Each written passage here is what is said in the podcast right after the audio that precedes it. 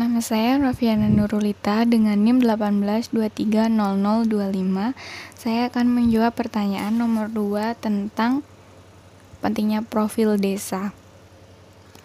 Menurut saya sendiri, profil desa sangatlah penting karena profil desa memuat berbagai data informasi tentang kondisi desa, meliputi data dasar keluarga, potensi sumber daya alam, sumber daya manusia, kelembagaan, prasarana dan sarana, serta perkembangan kemajuan dan permasalahan yang ada di desa. Profil desa sendiri adalah gambaran menyeluruh tentang karakter desa dan kelurahan yang meliputi data dasar keluarga, seperti yang tadi saya jelaskan. Kemudian, data-data yang dimuat dalam profil desa meliputi yang pertama adalah data dasar keluarga, yaitu gambaran menyeluruh potensi dan perkembangan keluarga yang meliputi potensi sumber daya manusia, perkembangan kesehatan dan pendidikan, penugasan aset ekonomi dan sosial keluarga, partisipasi anggota keluarga dalam proses pemerintahan, pembangunan dan kemasyarakatan, serta berbagai masalah kesejahteraan keluarga dan perkembangan keamanan dan ketertiban di lingkungannya. Data keluarga ini dimaksudkan agar pemerintah desa dan kelurahan dengan mengetahui data tersebut di atas mampu merumuskan kebijakan, program, dan kegiatan yang sesuai dengan aspirasi dan kepentingan masyarakat. Kemudian yang kedua adalah data registrasi ibu dan anak tingkat dusun dan lingkungan yang selanjutnya disebut RIAD adalah kegiatan pengumpulan pengelolaan dan analisis serta publikasi dan pendayagunaan data pengembangan ibu dan anak di tingkat dusun dan lingkungan berdasarkan data dasar keluarga di setiap dusun dan lingkungan. Yang ketiga adalah data tentang potensi desa, yaitu mencakup data tentang potensi sumber daya alam, potensi sosial budaya, potensi ekonomi, dan potensi lain yang dapat dikelola menjadi kekuatan pembangunan desa. Dengan kata lain, potensi tersebut dapat menentukan tipologi desa atau kelurahan yang dapat menjelaskan kondisi spesifik keunggulan potensi sumber daya alam, sumber daya manusia, dan potensi kelembagaan serta potensi prasarana dan sarana dalam menentukan arah pengembangan dan pembinaan masyarakat berdasarkan karakteristik keunggulan komparatif dan kompetitif dari setiap desa dan kelurahan. Selanjutnya adalah langkah-langkah untuk menyusun database desa.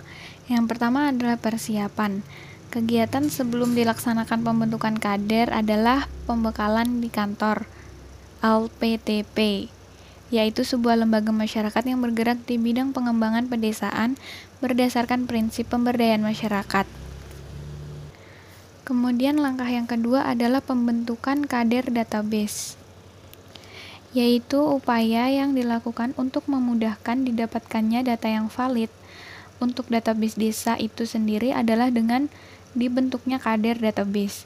Kader database ini dibentuk juga untuk dapat melibatkan peran serta masyarakat untuk terlibat dalam pelaksanaan program itu sendiri.